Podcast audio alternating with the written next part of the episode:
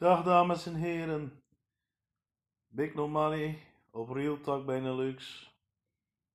Ik ben de hele tijd op deze platform actief geweest. Het is vandaag 9 januari 2022. We zijn nu al een jaar verder. En uh, ja, ik doe deze podcast. Uh, ik heb drie of vier platforms. Zoals jullie weten. En ik ben begonnen in oktober de podcast beginnen. Zo, zodoende.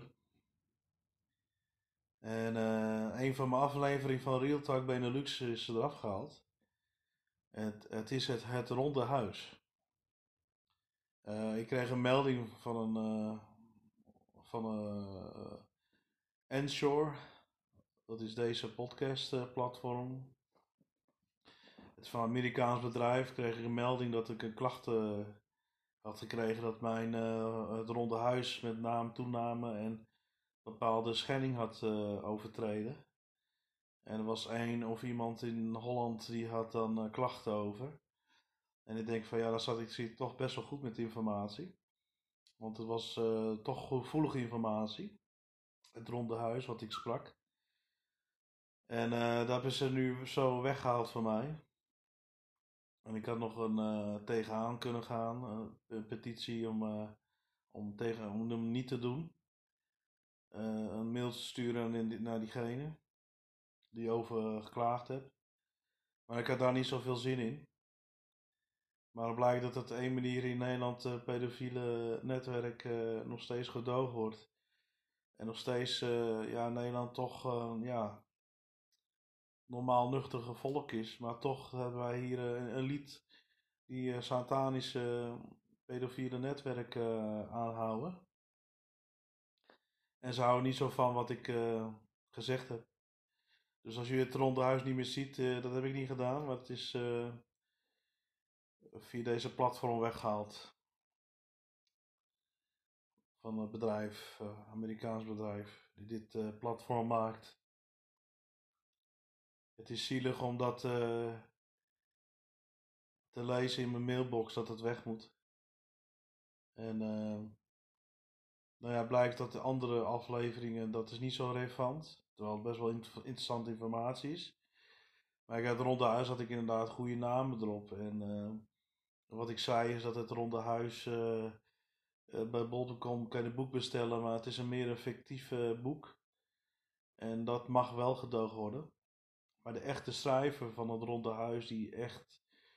Uh, die heeft geschreven van. Uh, de toename en de echte naam. Uh, die is nooit uh, gepubliceerd bij bol.com. Dat mocht niet. Dus één manier wordt dat. de, het is een vrij land, maar ook weer niet zo vrij. Met grenzen. Uh, dus dat kan ik jullie wel aanraden. Bij bol.com staat wel rond de huis, maar het is niet origineel. De echte schrijver die staat op YouTube, dacht ik een filmpje van, uh, van die man, die auteur. En die heeft dat uh, willen publiceren, maar het lukt niet telkens. Het wordt in de hogere hand tegengehouden. En ik vind het jammer, want ik had echt graag zo'n boek willen lezen. Dat, er al, uh, dat we al in Joseph Jeffrey Epstein en vele anderen niet uh, mogen gezien worden in deze wereld. En terwijl het hele machtige mensen zijn die alles hebben. En uh, nou, dat zijn de echte, echte touwtjestrekkers. En niet zoals Mark Rutte of Hugo de Jong. Ik ben deze platform daar niet meer zo actief geweest, een paar maanden niet. En we zitten bijna twee jaar met corona. En uh, ja, wat kan ik veel zeggen? Niet veel. Dus uh, ja, ik heb die andere platform ook gezegd wat ik van denk. En dat, uh, ja. Uh, eentje is van Gangster van Benelux, maar dat heeft niks met corona te maken. Het is een fictief verhaal. En die andere is Big No Money, mijn rap platform. En dit is wat serieuze platform. Hier lees ik wat voor. Huis had ik ook voorgelezen, de informatie wat ik op een uh, tijdschrift had. Op een tijdschrift had, had ik geschreven. Dus, uh... Nou ja, laat ik dan uh, beginnen met een tijdschrift wat ik hier heb. Geschiedenis van Holland en Vlaanderen. Van 1848 tot 1887. Ja, we gaan wel twee eeuwen terug. Burgers en kiezers.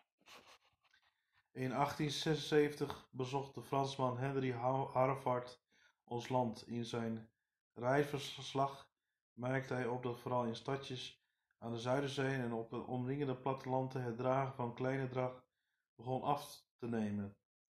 In de Hindo-lopen bijvoorbeeld was deze traditie al bijna geheel verdwenen.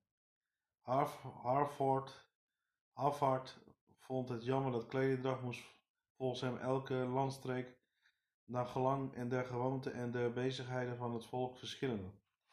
Niets onbehagelijkers dan een eenheid in kleding, die langzamerhand bij alle beschaafde naties ingang vindt, in, en die eenparig naar voorschriften van modetijdschriften wordt geregeld. Harvard had het goed gezien. In de tweede helft van de 19e eeuw veranderde het Koninklijke de Nederland reptempo in plaats van een lappendeken van afzonderlijke gewesten en regio's groeide de Nederlanden uit tot eenheidsstaat. Tegelijk ontlook er een soort wijgevoel, een pril nationaal bewustzijn.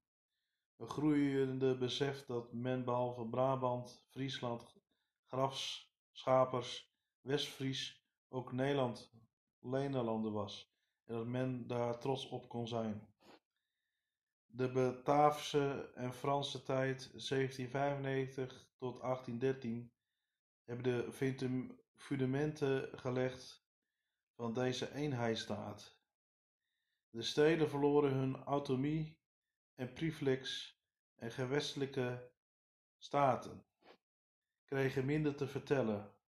Voortaan lag de politiek macht in de handen van een nationale vergadering die op de basis van een nationale grondwet algemeen wetten en regels uitvaardigen die golden voor ieder Nederlander ongeacht zijn woon- of verblijfplaats.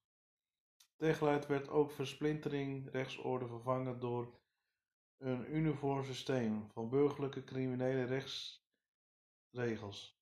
Na zijn terugkeer heeft koning Willem I de klok niet teruggedraaid, maar de eenheid staat verder verstrekt en ging moeizaam, wat wel bleek toen in 1830 de Belgen zich afscheiden van Nederland. In 1830 Belgen zich afscheiden van Nederland. Boven de Moerdijk werd onmiddellijk gespeculeerd over een aansluiting van Brabant en wellicht ook Limburg. Bij de opstandelingen tegelijk bleek dat de Noorlingen hun superioriteit ten opzichte van bewoners van een voormalige generaal nog lang niet waren verloren, getuigen de dagboeken van enkele Hollandse soldaten, die richting België waren getrokken om de zuiderburen op andere gedachten te brengen. Zij vonden Brabant, Brabanders onnozel, dom, arm en primitief en aan de leiband lopende van paapse pastoors en, en kapelaanse Pieter Jacobus Costericis, later lid van de Tweede Kamer, controleerde dan ook dat men hier in Noord-Brabant geen verheven gevoelens van vaderliefdes, vaderlandsliefde en liefde voor de koning kon verwachten.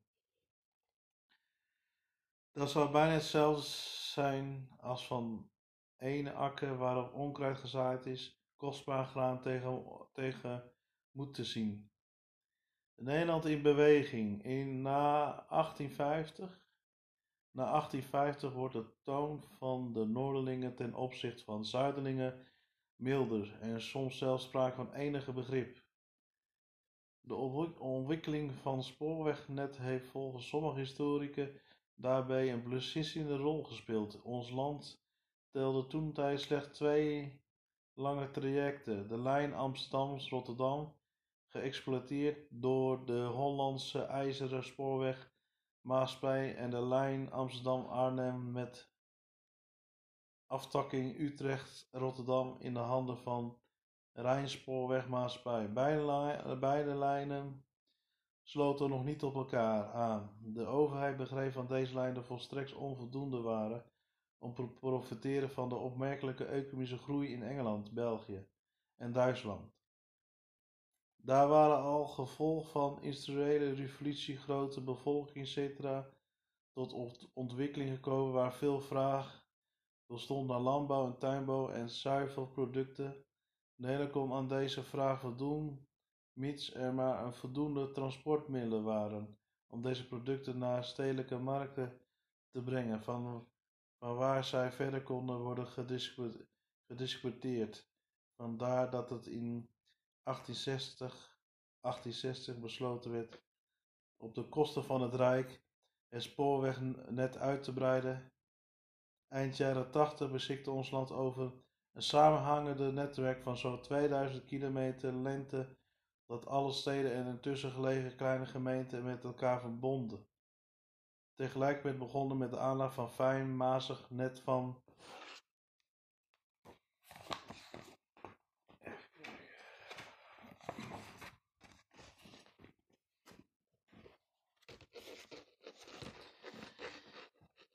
net van paardentrams die burgers en buitenlui van Eidam naar Amsterdam, van Schagen naar Hoorn, van Stel naar Venlo kon brengen. De verbeterde infrastructuur, de liberalisering van de internationale handel en de buitenlandse vraag naar producten stimuleerden de nijverheid begin 19e eeuw stelde er nog weinig voor. In 1815 droeg de nijverheid slechts 1,5% bij aan nationale inkomen. En waarop de beroepsbevolking van ongeveer 1 miljoen slechts zo 40.000 arbeiders werkzaam in bedrijven met meer dan 10 werknemers. Maar na 1850 begon Nederland aan een inhaalrace.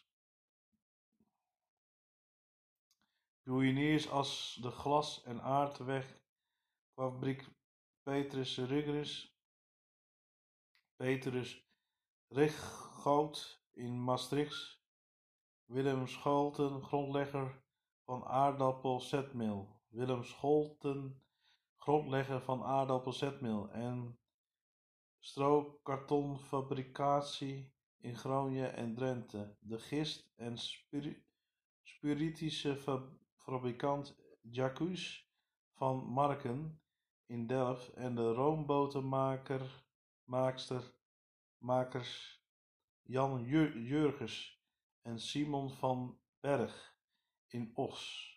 Om maar enkele te noemen zorgen voor dat... Dit zijn echt grote grondleggers uh, als je dit leest. Dus ik zal weer overnieuw beginnen.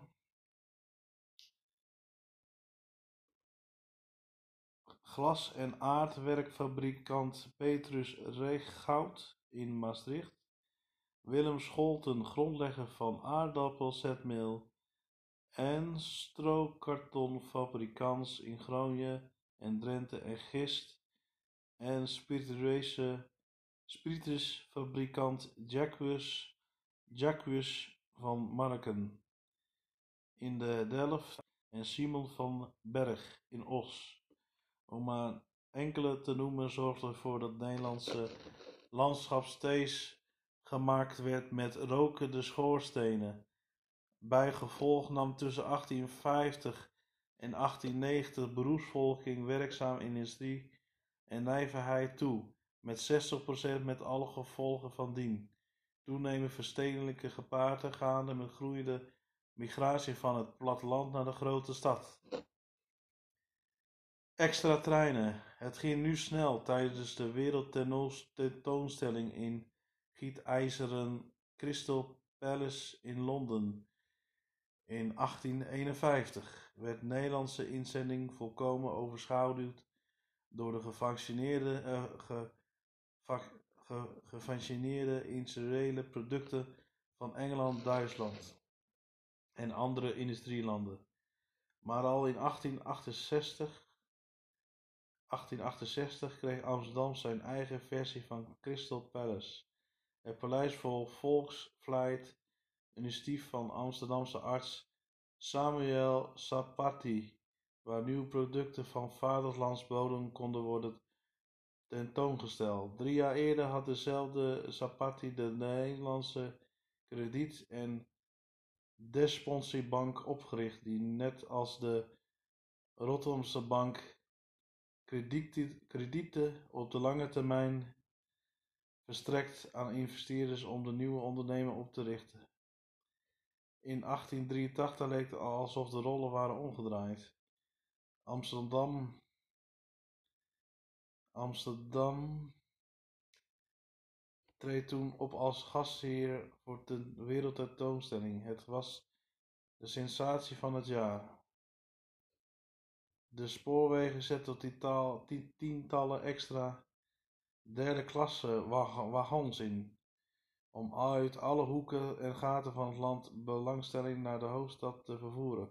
Voor velen hun was dit de eerste keer dat ze spoor dat ze spoorden. De eerste keer. Even kijken.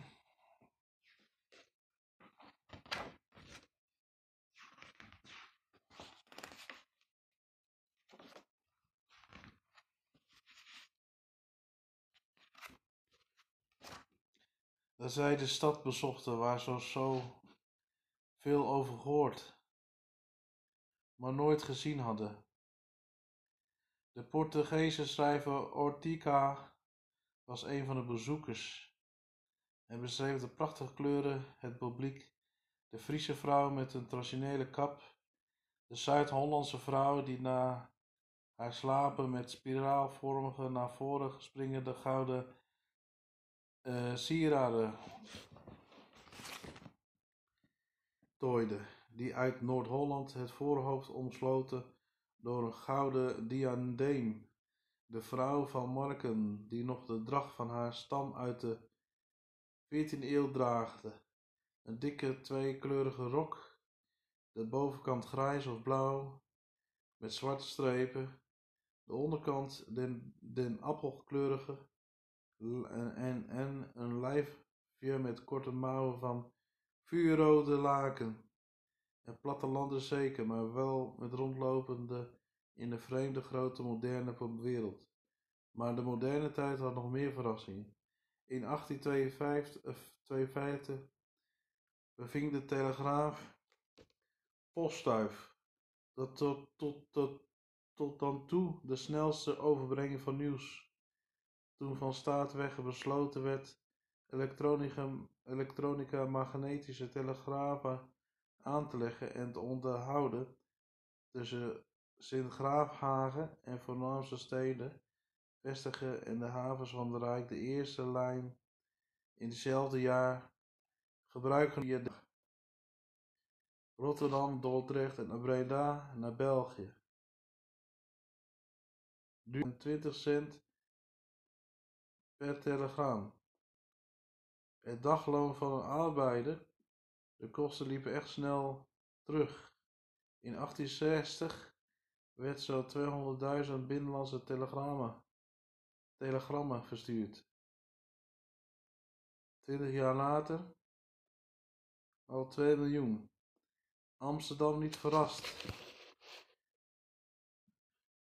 Kreeg in 1881 al als eerste stad lokale telefoonnet met 49 abonnees. Amsterdam, niet verrast, kreeg in 1881 als eerste stad lokale telefoonnet met 49 abonnees. Zeven jaar later speelde de Nederlandse Bell tele telefoonmaatschappij de eerste internet interlokale telefoonverbinding in gebruik tussen Haarlem en Amsterdam. De zoveelste primeur voor bewoners van beide steden die eerste trekschuit hadden zien varen de eerste, de, de eerste treinen. De trein had, de trekschuit hadden ze zien varen. De eerste trein hadden ze zien voorbij razen, die voor de eerst met elkaar konden bellen. Ondertussen sloeg ook postverkeer zijn vleugels uit, vooral nadat in 1871 een uniform posttarief werd ingevoerd van een stuiver, ongeacht de afstand. Het aantal brieven en het toenemende aantal uh, aanzichtkaarten steeg hierdoor met miljoenen stuks per jaar. Van 5 miljoen in 1850 tot 120 miljoen in 1900. Het dagbladzegel afgeschaft. Van nog meer invloed was de opkomst van de massamedia. Zo, zo, zo zo voor onze moderne samenleving. Begin 19e eeuw werden de belangrijke berichten zoals pro, proclamaties van de koning op belangrijke gebeurtenissen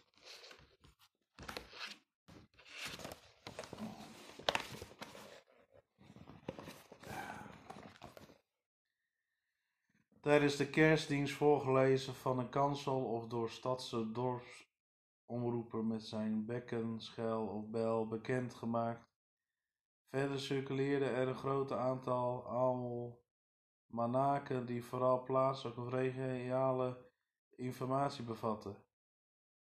Als mark, marktdagen, vertrektijden van trekschout en vooral streekverhalen, gedichten en an anekdotische dag en week- en nieuwsbladen waren wel in, waren wel in 1850 zo'n 90, waarvan 10 dagbladen maar totaal oplag, oplage bedroeg niet meer dan 54.000 exemplaren. Dus de verspreiding van was evenwel erg onafwichtig. In Limburg werden 1000 inwoners twee kranten gelezen. Hollandse 45 analfabetici of gebrekkige beheersing van de leeskunst waren natuurlijk uh, de bed en Anma. Een veel grotere rol speelde be belasting die op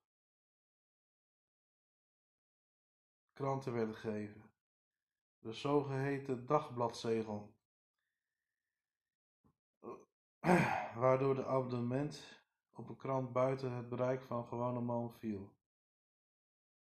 Zo kostte een weekabonnement op de deftige Algemene Handelsblad in 1830 voor eerst verschenen 65 cent.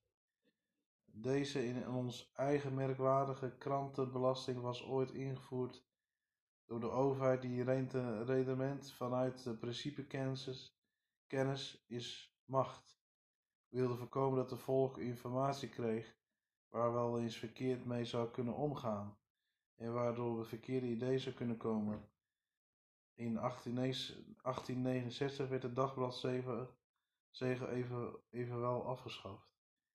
Nou, dames en heren, het is een beetje wat je nu op tv informatie krijgt. Nu is het uh, van uh, propaganda-informatie of desinformatie. Dat is gewoon de mediastream zelf. Daar hoef je niks te betalen.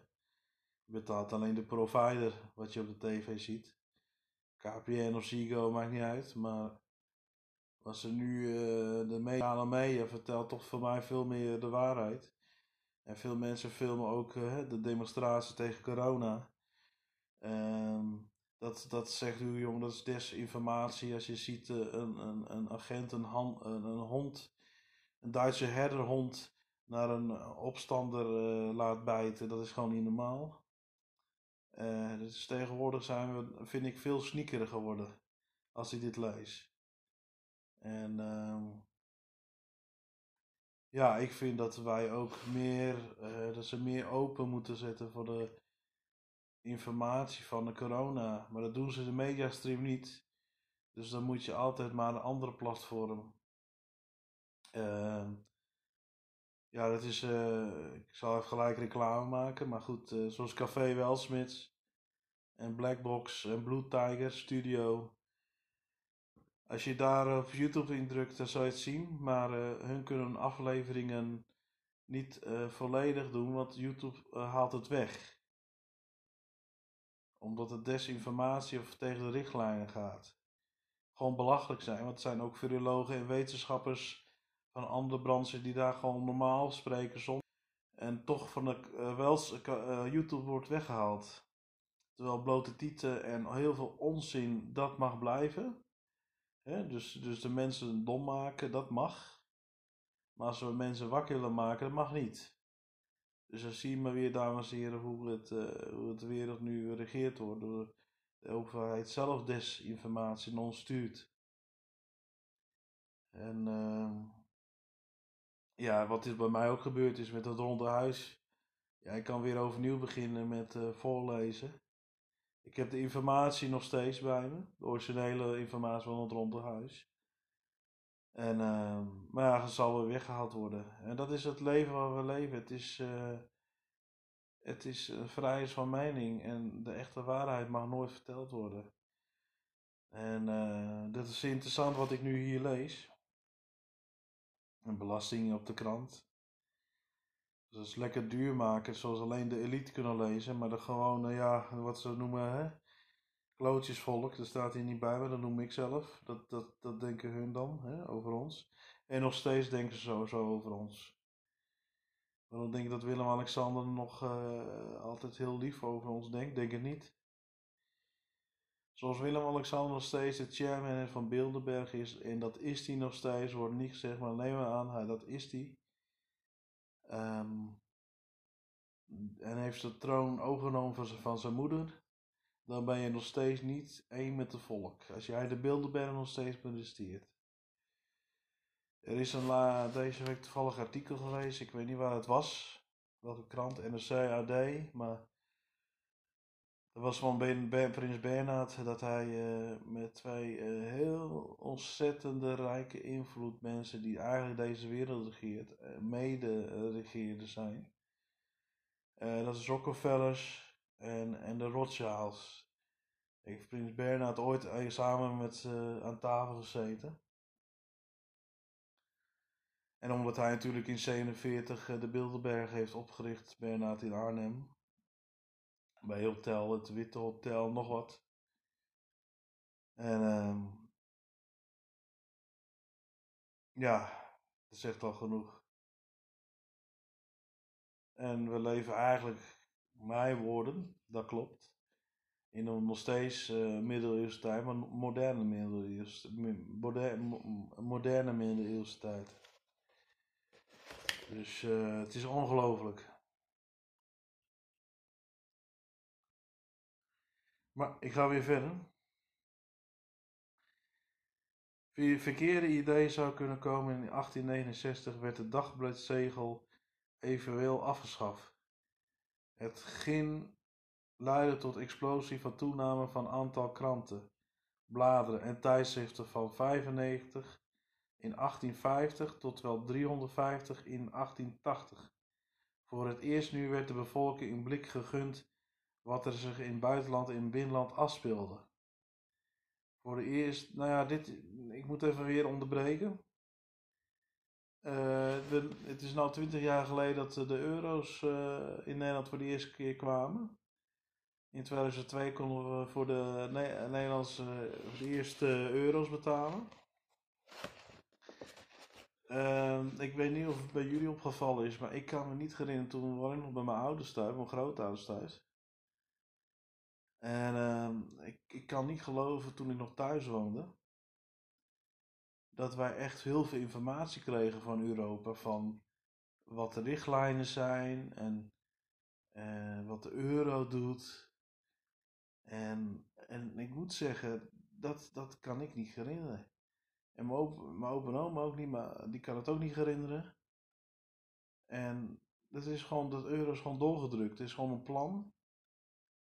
Eh, ik had, wat ik wel herinnerd is dat er iets van 60% van Nederlanders die waren tegen eh, in Europa. Of die waren wel tegen de Brussel, want ze waren bang van ja, die krijgt toch te veel te zeggen. Nou, voor die Nederlanders, die krijgen mij een applaus, want je hebt helemaal gelijk. Je innerlijk gevoel, dat moet je altijd goed luisteren. Eh, de euro's, sinds de euro-invoering, ja, is er voedselbanken ontstaan. Is, het is, en het zijn er iets van 70 vestigingen, vestigingen in Nederland. Um, ik kende iemand die uh, in familielid van mij die werkte voedselbank. En al in zijn dorp, in zijn dorp zeg maar al 50 zwervers zijn. Dus als je dan gaat optellen door heel Nederland. In Nederland zie je geen echt zwervers. Hè? Dus krijgen, zelfs een hond krijgt een onderdak in Nederland.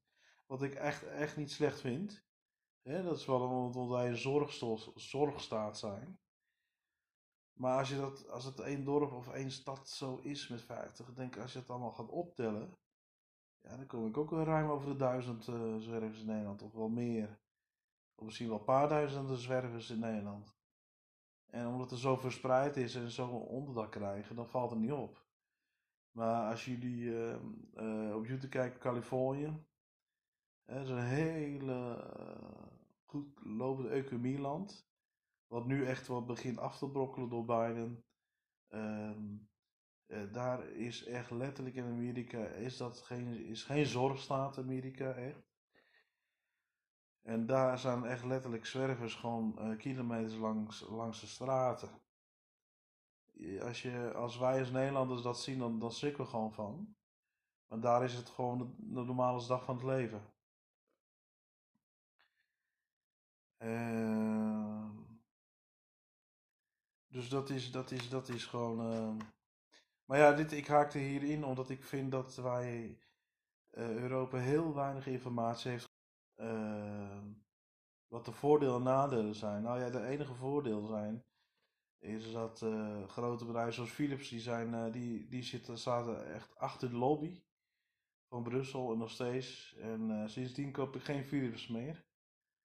Ehm, ook omdat het ehm, ik vind de kwaliteit ook niet meer zo wat het is. Ik vind het, uh, gaat snel kapot en ik, ik ben er klaar mee.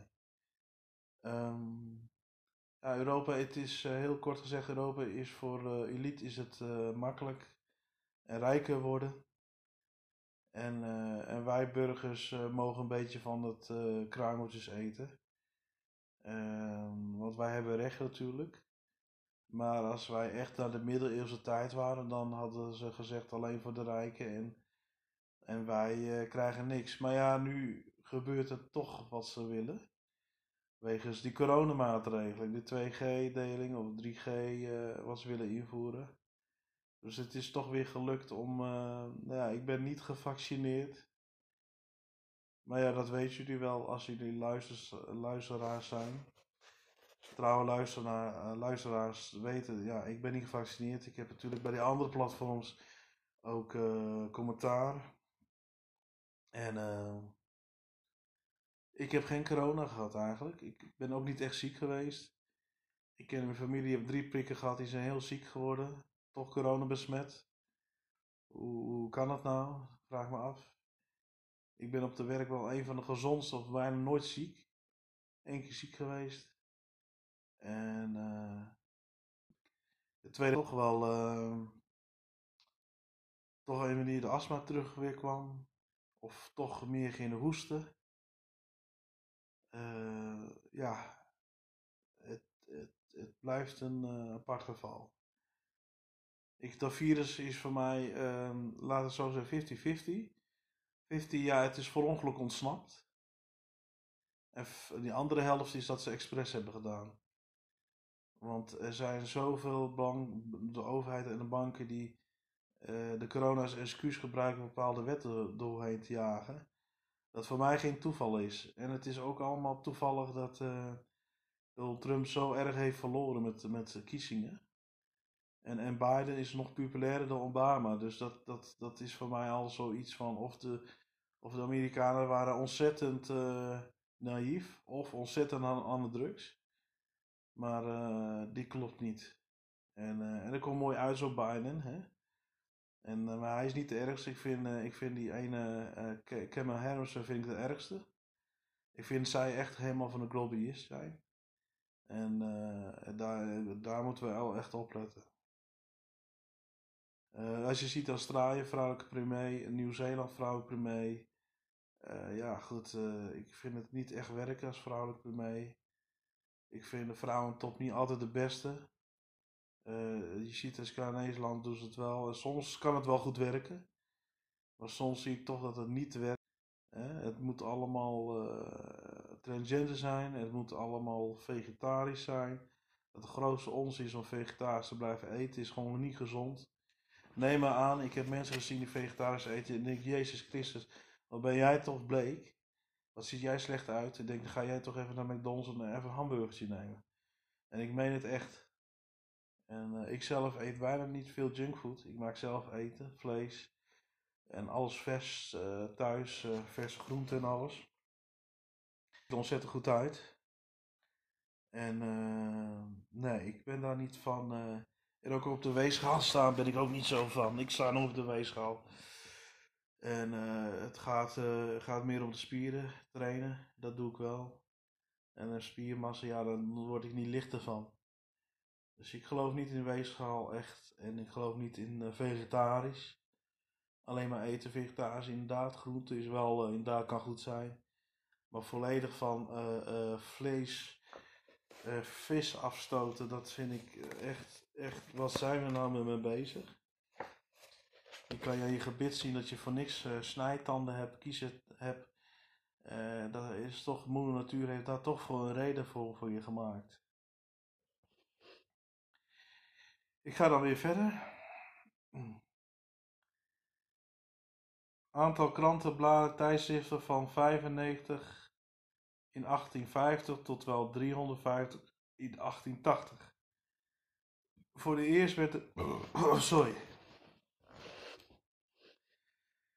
Pardon. Voor de eerst... Nu werd de bevolking een blik gegund wat er zich in buitenland en binnenland afspeelde.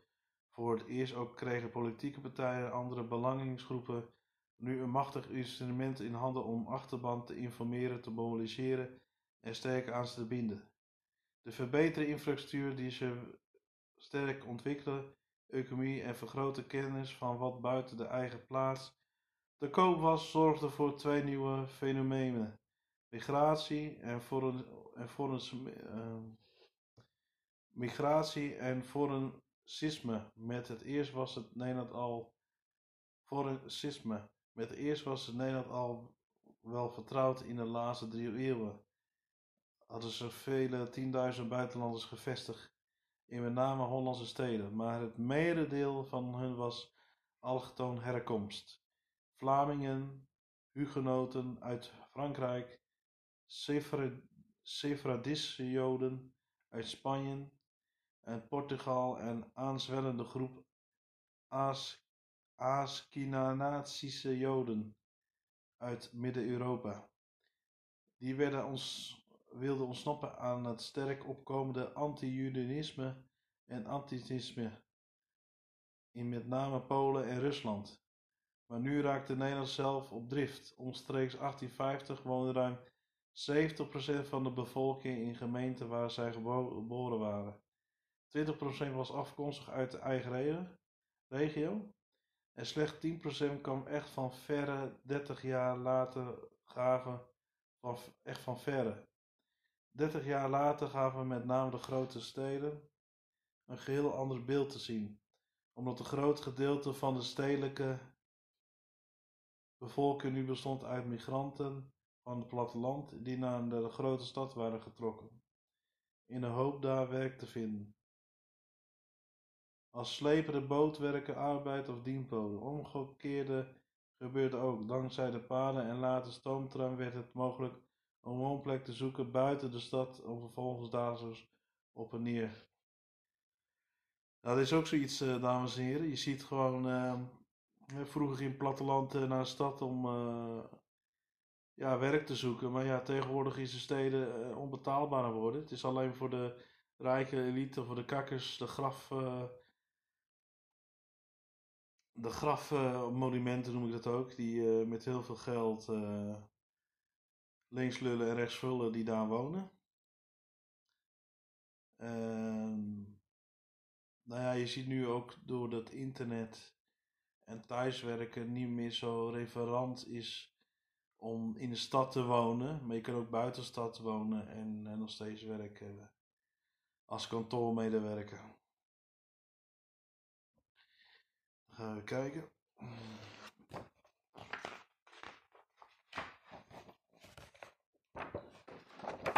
Even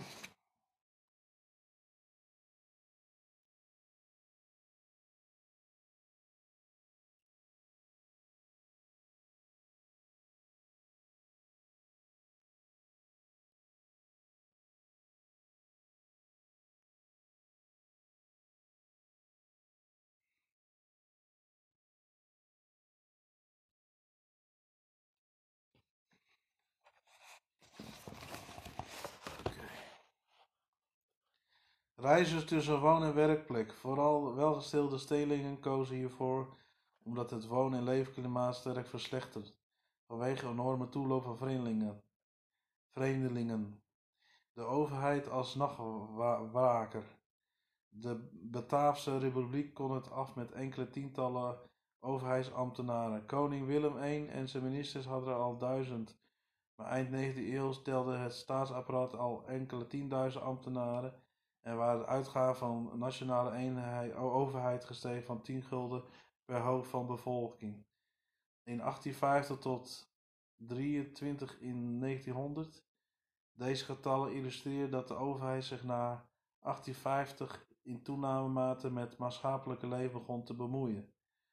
Veel liberalen omstreken 1850 nog steeds de belangrijkste politieke stroming hadden daar moeite mee. Zij vonden dat de staat zich terughouden moest opstellen en vrij moest doen wat de nachtwaker deed, het verdedigen van grondgebied tegen vreemde gespuis en handhaven van de orde. Er is, zodat de burger zich in alle vrijheid kon wijden aan zijn eigen zaken. Begrijpelijk dus dat in 1850 iets meer dan de helft van de nationale begroting sociale zorg en gezondheid zorg er slechts een schammelijke 1 10 de procent werd besteed. Nou, dames en heren, dit werd toen al uh, uh, in de zorg al bezuinigd of in de zorg al niet veel investeerd. Wel in oorlog. Het helft van de nationale begroting opslok, opgeslokt werd door minister van Oorlog. Terwijl aan sociale zorg en, gezond, en gezondheidszorg slechts een schammelde 1-10% werd besteed.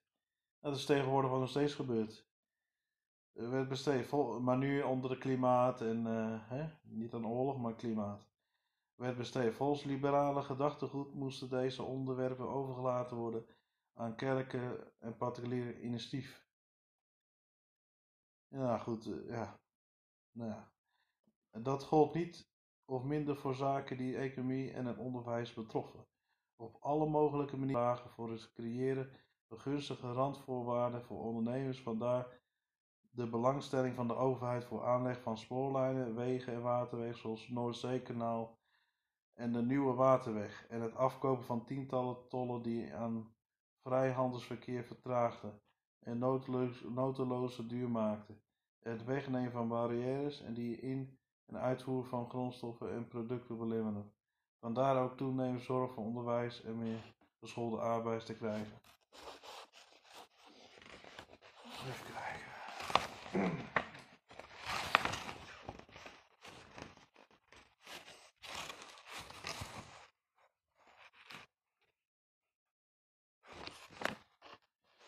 heb nog heel wat informatie, maar mijn tijd die loopt al bijna af. Dus ik zal een paar hoogtepunten wat interessant is doornemen. Een heel tijdschrift wat ik lees. Wel een heel interessante tijdschrift. Dat zie je niet heel vaak in een winkelsbibliotheek. Dus ja, ik hou van, van interessante dingen. Een moeizame tocht. Op 10 januari 1857 ontving J.G. van Nieverik, ambtenaar bij Waterstaat in Zuider-Beverland, die later vooral bekend is geworden als stadsingenieur van Amsterdam. Een telegram dat zijn moeder ter Nijmegen was overleden. Diezelfde avond nog pakte hij de veerboot naar Terneuzen, waar hij om vier uur in de ochtend de postkoets Amsterdam naar Belgische Sint-Nicolaas. Daar nam hij de trein en reisde via Antwerpen naar de, naar de Moerdijk. De vierdienst, was, de vierdienst daar was gestaakt. Vanwege de ijsgang, maar Van Nieuwbrug wist tegen betaling van vorstelijke som van 7 gulden 50 iemand over te halen en het Hollandse diep over te roeien. Op een open kar hoppelde hij vervolgens naar Rotterdam, waar hij nog net de laatste trein naar Arnhem wist te halen. Te voet ging het vervolgens naar Nijmegen. Nog één hindernis moest hij zien te overwinnen. De wal. Niemand regeerde op de veerbel. Gelukkig ontdekte Niervek een roeiboot en wist veilig overkant te brengen. Het was inmiddels 12 januari geworden.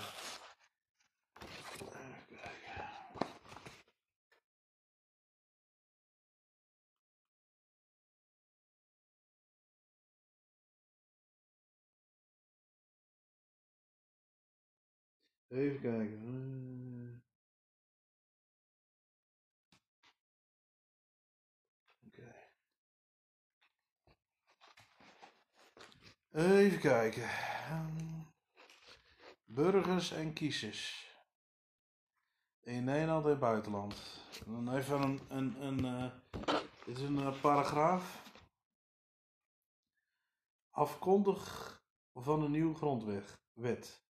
1848, februari revolutie in Parijs en maart en revolutie in andere Europese steden. 1848. Overlijden van koning Willem II, 1849. Herstel van kerlijk, kerlijke hiërarchie en protestantie verzet in aprilbeweging, 1853. 1856. Einde van de Krimoorlog, westelijke mogelijkheden tegen Rusland. Spoorwegwet regelt aanleg van spoorwegen door de staat. 1860. 1867 Luxemburg en Limburg uit de Duitse Bond. Afschaffing van het dagbladzegel. 1869. Suezkanaal geopend. Vaticaanse Conciil. Onfeilbaarheidsdogma. Alita Jacobus toegelaten tot universiteit. 1870. Afschaffing van Cultuur in India, Frankrijk en Republiek. 1870 Afschaffing van het cultuurstel in India, Frankrijk en in Republiek. 1871 Proclamatie van het Duitse keizerlijke Rome hoofdstad van het een geworden Italië. Kinderwet van de Houten 1874 1876 opening van Noordzeekanaal. 1878 oprichting van Antirevolutionaire Partij. 1879 Burgerziekenhuis geopend. 1887 grondwetherziening waarbij cynische wordt afgeschaft en kamers worden uitgebreid.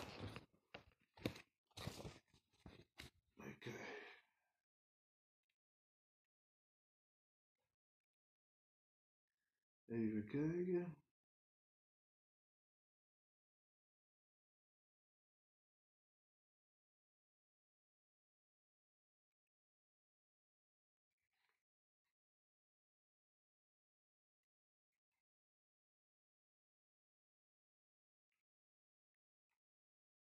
Even kijken.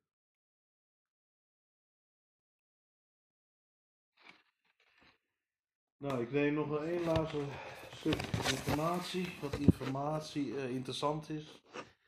Nederland, drie landen, drie stromenland. Nederland, drie stromenland.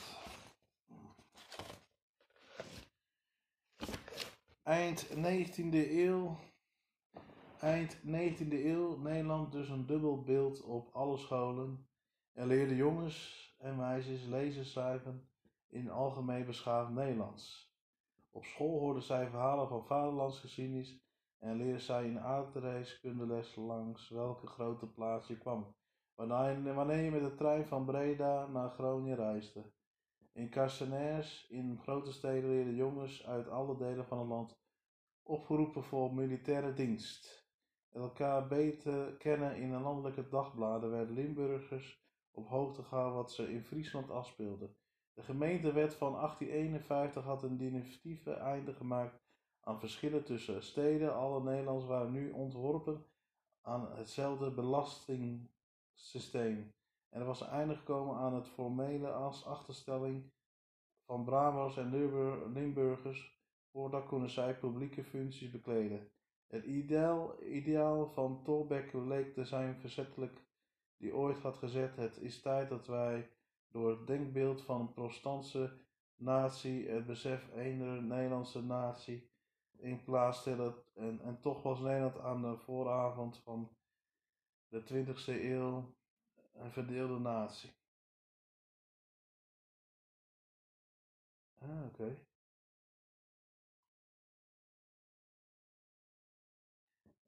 Was een drie-stromen land geworden, van protestanten, katholieken en verrijzingen, waartoe zowel liberalen als socialisten behoorden.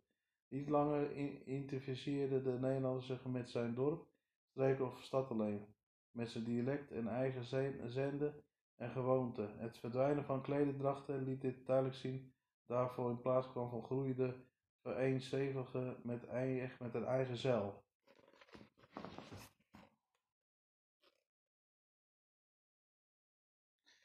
Uh, nou, dit was uh, de Hollandse Glorie aflevering, noem ik dit. Part 1. Er zijn nog wel meer informatie. Maar ik doe meestal maximaal een uur. Het is al best wel uh, veel informatie wat je moet voorlezen. Uh, ja, je ziet gewoon na een tijdje worden we wel één. Uh, dat bepaalde tradities toch een uh, kleindracht wegdoen. En toch uh, die anderen ook, regio-streken, dat ook doen. Voor om eenheid te, te vormen. Nou goed, dat willen ze in Brussel willen ze doen. Wij, wij Nederland is straks een, land, nee, is, nou, is geen Nederland, maar een provincie. En Duitsland wordt ook een heel groot provincie. Ik al weet nu, uh, dat zeggen ze natuurlijk ook niet in de media. Maar uh, Brussel wil ons provincie maken, zodat we makkelijk controleerbaar zijn. Waarom denk ik dat Engeland eruit is gegaan? Engeland wist veel meer informatie, wat wij niet weten. 2% van, van de 100%. Ja, dat, dat, dat is van 98% zeg maar. En, uh, nou, nee, nou ja, goed, Engeland wist gewoon wat, wat, wat er komt.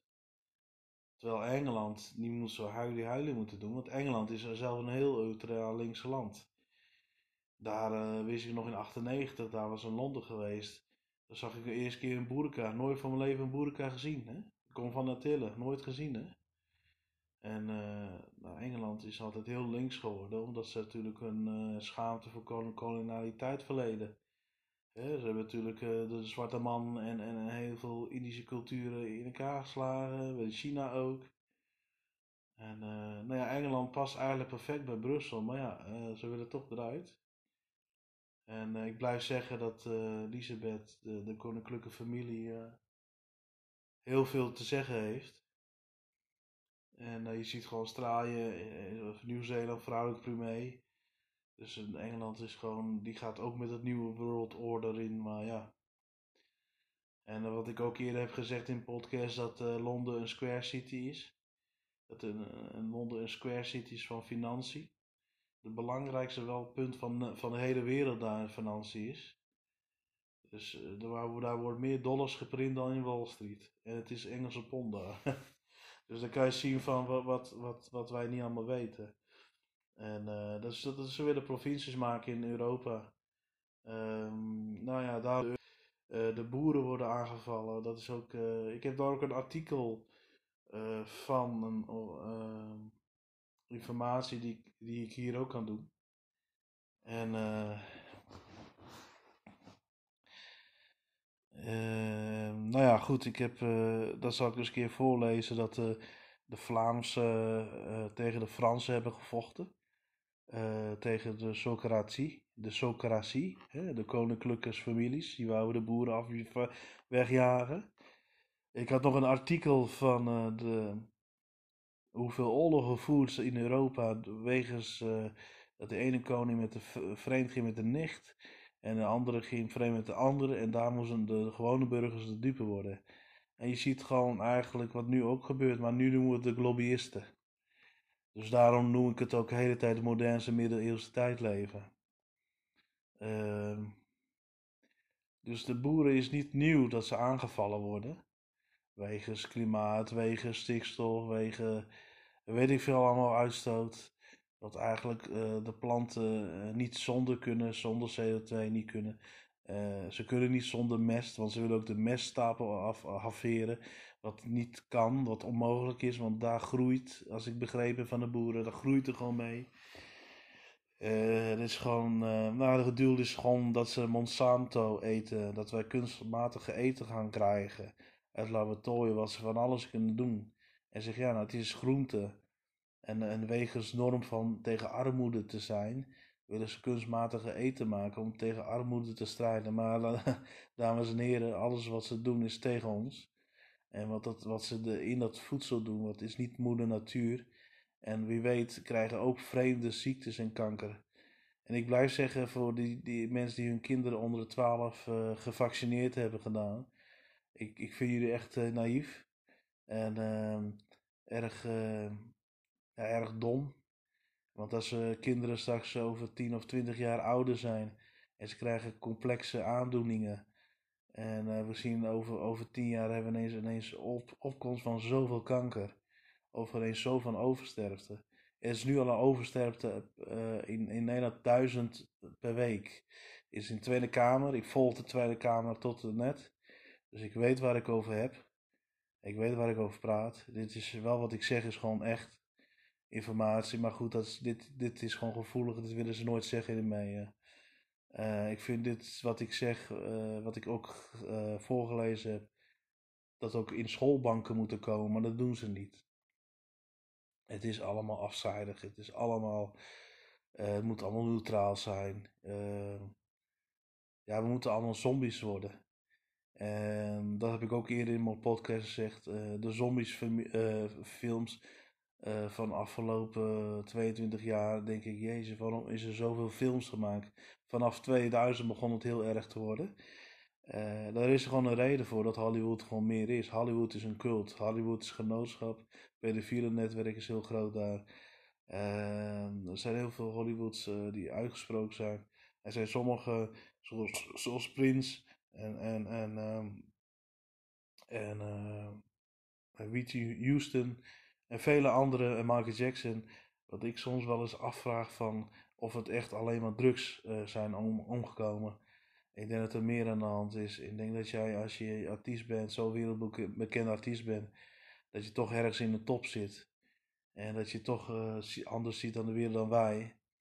En, uh, en net als die ene beroemde DJ-jongen van 24, 25 die overleden is. Zeggen ze zeggen maar ik weet niet wie dat was. Dat was Karen Neefje, die was. Uh, die zag ook hoeveel kinderen worden opgevoerd opgevoerd. En kinderopoffering er wordt heel veel gedaan nog steeds. Het is een oude cult uh, van Balbec, uh, van de Fouchiniers, van de hele oude culturen van Balmejons. Het is satanisme, satanisme. En uh, ik heb heel veel geleerd van mijn grote meester, Willem Milton Cooper. Willem Milton Cooper. typ maar in YouTube, er zijn heel veel fragmenten van weggehaald. Maar deze man heeft de corona voorspeld. Deze man heeft vier maanden voor de Twin Towers inslag dat Saddam uh, de schuld zal krijgen.